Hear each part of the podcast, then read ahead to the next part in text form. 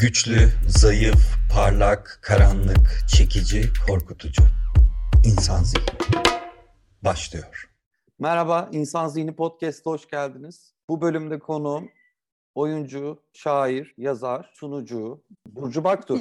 Burcu hoş geldin. Hoş bulduk. Estağfurullah efendim. Mesela. Ya bu da ne kadar saçma aslında değil mi? Niye Hangisi şair olabilirim?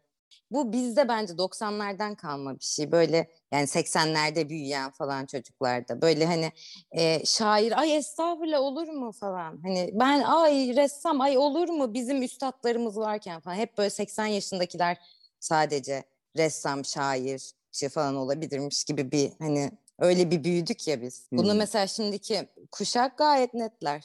E, şiir yazıyorum şairim abi falan. Sen Amerika'da yaşadın bir Hı süre. hı. O- Ondan sonra Berlin'de aslında reklam Evet. yazarlığı yaptın. Sonra da Türkiye'ye geldin ve Türkiye'de çalışmaya başladın. Aynen öyle.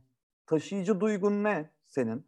Aidiyet duygusu, anlamak, insan. Bu duygular yani beni e, taşıyan aslında. Bir de şöyle düşün hani Amerika'da bir süre dedin ama o uzun bir süreydi 7 yıl ve hani süreye bakarsak mesela 35 yaşından sonra Amerika'ya gidip 7 yıl 10 yıl yaşamış olsam bambaşka. Ben 19 yaşında gidince hani o bambaşka. Giden ve dönen Burcu arasındaki fark neydi en temelde? Mesela 35 yaşında gitmiş olsaydım farkı söyleyebilirdim. Ama 19 yaşında gittiğim için şimdi farkı 18-19 yaşında gittiğim için farkı söyleyemiyorum. Çünkü orada büyüdüm zaten. Yani orada olgunlaştım, orada fikirlerim gelişti. Hani tam çünkü gelişme aşaması oydu. Çünkü 19'a kadar saçmaladım. Her şeyi denedim. Bu neymiş, o neymiş? Aldatmak ne, sevgili ne, işte seks ne, niye Sünniyim, niye Alevi, Kürtlük ne falan bunlarla ilgileniyorsun o sırada. Yani en azından ben öyle büyüdüm. Daha temel şeylere bakıyorsun. Böyle hani görünüşün ve sana önceden doğuştan böyle yüklenmiş ırk cinsiyet. Yani onlara bir baktım ben 18'e kadar. Türklük ne de, Ermenilik ne demek falan bunlara baktım. Din ne? Tam onların da cevabını bulurken gittiğim için sana aradaki farkı söyleyemiyorum. Burada gerçekten büyümüş olsaydım aradaki farkı söylerdim. Ama orada büyüdüm. Ama mesela çocukluktan beri hep işte konservatuarda okuduğum için hani ortaokul, lise falan hep böyle müziğin içinde, sanatın içinde olduğu için bir ötekiydim yani. Öteki hissi hep vardı. Ee, oradan kıyaslamam gerekirse bir öteki oluyorsun ya Amerika'da Hı hı, ya da Berlin'de de öteki oluyorsun. Onun için muhtemelen ilk sorduğunda cevabı aidiyeti kovaladım dedim. Hani aitlik ne demek? Nereye aidim hikayesi. Hemen zaten ardından işte bu müzik falan derken reklamcılık tarafına beni itti. Çünkü reklamını yapman gerekiyor. Yani kişisel olarak da reklamını yapman gerekiyor bir yere ait olmak için ya. Berlin'de mesela işte Türklere Türk'üm demen gerekiyor. İşte diğer tarafa gittiğinde bir dakika ben Amerika'da da yaşadım. Yani bir kendi reklamını da yapman gerekiyor. Onları düşüne düşüne düşüne işler o tarafa doğru kaydı reklamcılık tarafına doğru. Şimdi peki e, sen ortaokuldan beri sanatla bir anlamda yaratıcı endüstrilerle hayatını kazandın, hala da kazanıyorsun. Aynen. Evet. Peki sana şunu soracağım. Senin için yaratıcılık denen şey ne Burcu? Huu. Yoktan bir şey var etmek ilk aklıma gelen. Ama sonrasında mesela aşamaları var ya fikrin. Her şeyin olduğu gibi. Ee, sonrasında mesela aklıma hemen şu geliyor. Soru işareti. Soru, soru, soru, soru. Soru. Soru sormak. Sürekli merak halinde olmak eşittir yaratıcılık. Cevabından hiçbir şekilde emin olmadığın soruları büyüterek, değiştirerek devam etmek yaşamaya. Yorucu gibi geliyor kulağa ama çok tatlı. Yani mesela uçabilmeye de inanmak. E uçabilirim niye uçmayayım ki? Yani o zaman e, sadece aslında bir komple teorisyeni ya da e, çok böyle takıntılı bir kuşkucu gibi hiçbir şeyden Değil. Emin Evet, olmam değil. mutsuz, sürekli Bü- mutsuz bir dakika falan değil. Kuşkuculuk değil yani. Hani bir dakika beni seviyor, sevdiğini söyledi ama sevmiyor da olabilir mi falan değil. Sadece başka taraflarını da gö- görüyor olmak. Yani o söylediğiyle yetinmiyor olmak. Acaba böyleyse nasıl olur diyor olmak. Ama buna aynı hisle, aynı mesafede yaklaşıyor olmak. Yani birine çok bir cevaba çok kızgın, bir cevaba çok mutlu olmak değil. Ve bu ihtimal havuzunda aslında sürekli egzersiz yapıyor olmak diye anlıyorum. Evet, şöyle söyleyeyim sana. Ben ortaokuldayken bile böyle işte billboardlarda böyle reklam panoları bir şeyler gördüğümde ya da işte reklam e, filmlerini izlediğimde hep işte bir diş macunu ya da bir şeyin reklamı gözümü kapatıp böyle "Hmm, ben ne yapardım diyorum. Mesela niye diş macunu alsın bu kız diye sorup ya kendi kendime eğleniyorum. Böyle oyun oyun gibi. Mesela Zehra'yı düşünüyorum sınıftaki. Sonra Mert'i düşünüyorum. Başka başka tipleri, karakterleri düşünüp ben buna nasıl aldırırım bunu falan diye düşünüyorum. Ama kötü niyetle değil böyle hmm, kandırarak ben bunu böyle çok iyi geliyormuş bu zengin ediyormuş diye de aldırabilirim ama hiç öyle düşünmedim çocukluğumdan beri. Hep böyle niye aldırırım? Ha bir dakika beceremiyorum olmuyorsa da demek ki tamam okey bu değil. deyip aslında bunu insani ilişkilerime de çok yansıttım. Tespitlerinden ve reddedişlerinden ya da kabul edişlerinden Hı hı. çok emin olmak. Bu o zaman senin bakışınla yaratıcılığı çok sekteye uğratan bir şey öyle değil mi? Evet, evet, evet, evet. Bak, bak bu çoğu şeyde evet ya da hayır diye böyle net cevap verirken sen beni hani biz şimdi bilmeyenler de var. Biz çok yakın arkadaşız seninle. Çok çok yakın arkadaşız. Hani gözümüzden, bakışımızdan birbirimizi anlarız. Öyle olduğumuz için hani sen de teyit et diye söylüyorum. Hani ben genelde böyle evet ya da hayır dedikten sonra bir kekelerim. Evet, e, bir dakika belki de hayır falan derim. Ama şimdi şimdi bu sorduğun sorunun cevabı kesinlikle evet. Çünkü gerçekten bambaşka türlü ya zihni. Yani büyümek de o ya biraz zaten hani olgunlaşmak ya da yetişkin olmak. Çocukluk arzularını, çocukluk yetilerini, çocukluk oyunlarını bırakmak değil yetişkin olmak. Yetişkin olmak aslında aa bir dakika bir de böyle bir bakış açısı var. Bir de böyle bir tip e, aile var. Bir de böyle bir yaşam var. Peki bir problem gördün. Bu problemi dair nasıl çözerim diye sordun, sordun, sordun ve şartları da değerlendirerek aklına bir fikir geldi ve bunu uyguladın. Şimdi buradan Evet. yola çıkarak soracağım. Bu fikir denen şey ya da iyi fikir bu yaratıcılığın neresinde Burcu? Bu bir sonuç mu? Yoksa o fikir aklına o kıvılcım geldiğinde mi yolculuk başlıyor? Nedir bu? Çok zor bir soru. Hep kendime de sorduğum bir soru. Biliyorsun ben oynadığım reklamları da kendim yazıyorum. Oynamadığım reklamları da yazdığım oluyor. Seninle de beraber reklamlar yaptık. Tartıştığımız şey hep buydu. Acaba şu an içinde olduğumuz için bize mi iyi geliyor? Yoksa herkese iyi bir fikir gibi mi gelecek?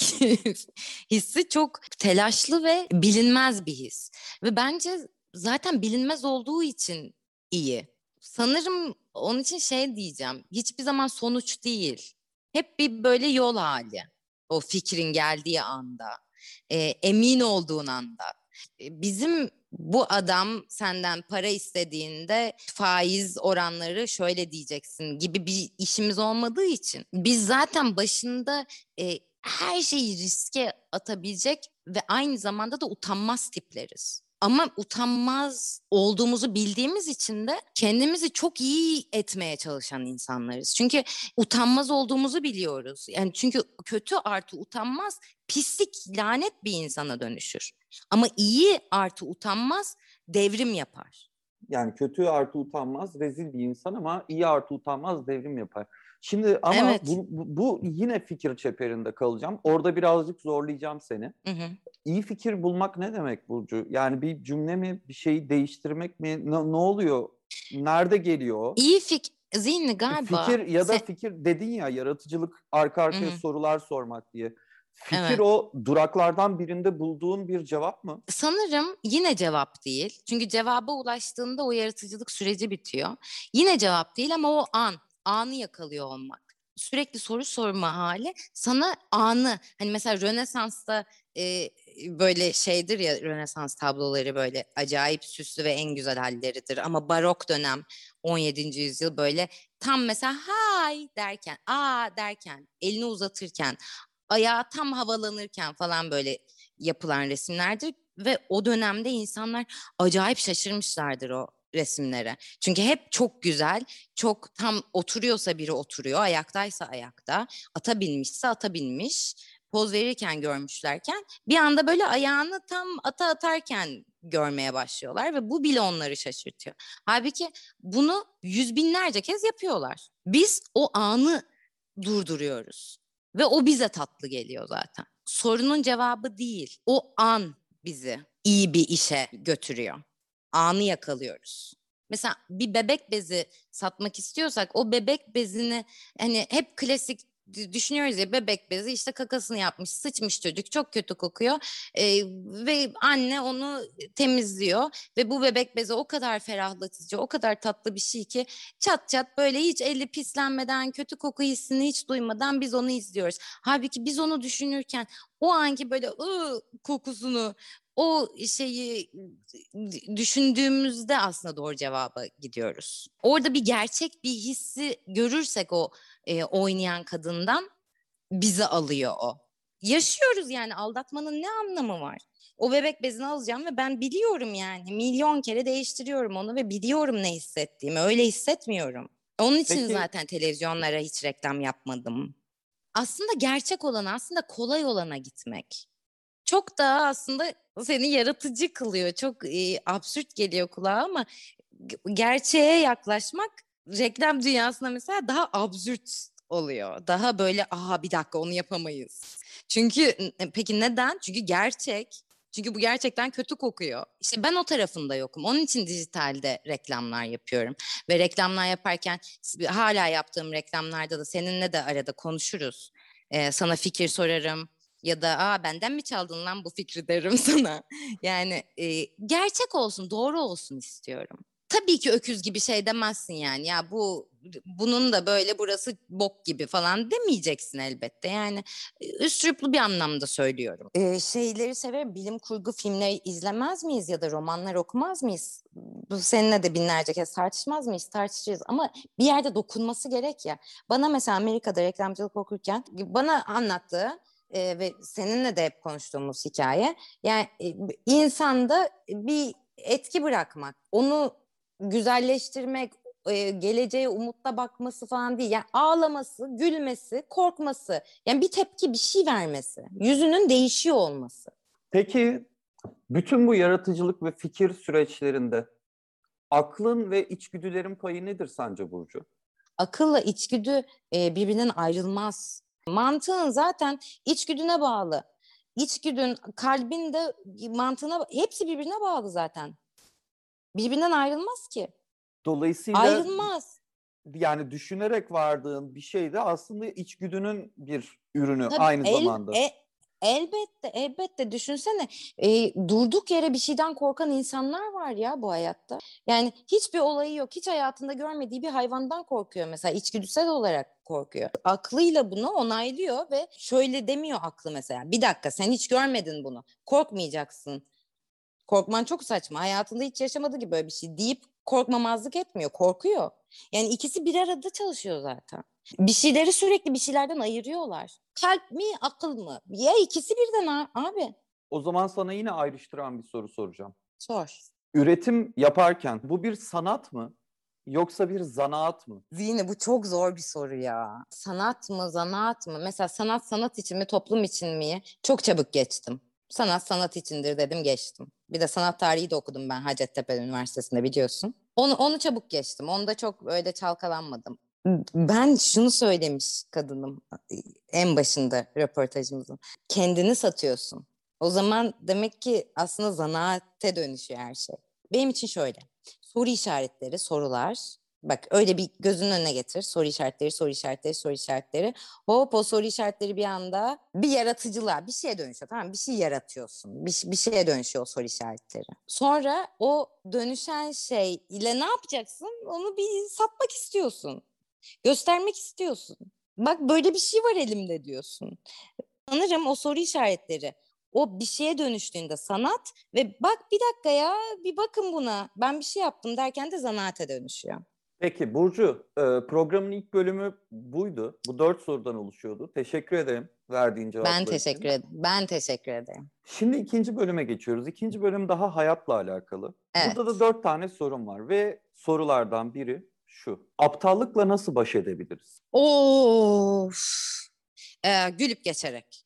Ee, gülümseyerek hatta bugün e, annemle telefonda konuştum ve onunla böyle çok alakasız bir sebepten Aziz Nesin'den bahsettik ve Azizname oyununa ben seninle böyle 10 kere falan gittim çocukken 7 yaşında falanken ezberlemiştim yani artık oyunu. Çünkü hep böyle kuzenlerimi de götüreyim. Şunları da götürelim anne. Bunları da çünkü çok hoşuma gitmişti. Acayip etkilenmiştim. Azizname kitabını Bu yani ilk okumayı öğrendiğimde okumuştum. Orada da öyküler vardır bilmeyenler için. Bir A, bir köyün A'sıyla bir köylü eşeğin tepesindedir A. E, köylü de bunları eşeğin ipinden tutmuş yolda gidiyorlardır. Bir eşek boku görürler ve A der ki bu eşek bokunu yersen köylüye der ki ben seni taşıyacağım ve sen bu eşeğin tepesine bineceksin. Köylü düşünür düşünür falan der ki oha a beni götürecek eşeğin tepesinde değer mi değer. Eşek bokunu yer. Eşeğin tepesine çıkar ve a bunu götürür. Sonra tekrar bir bok görürler ve köylü der ki ulan eşek boku yedirebilirim bu aya. Sorar. A'ya der ki bu eşek bokunu yersen sen buraya geleceksin ben seni götüreceğim. A'nın zaten gücüne gitmiştir. O aşağıda durup ipten tutuyor olmak ve adamı bir köylüyü taşıyor olmak.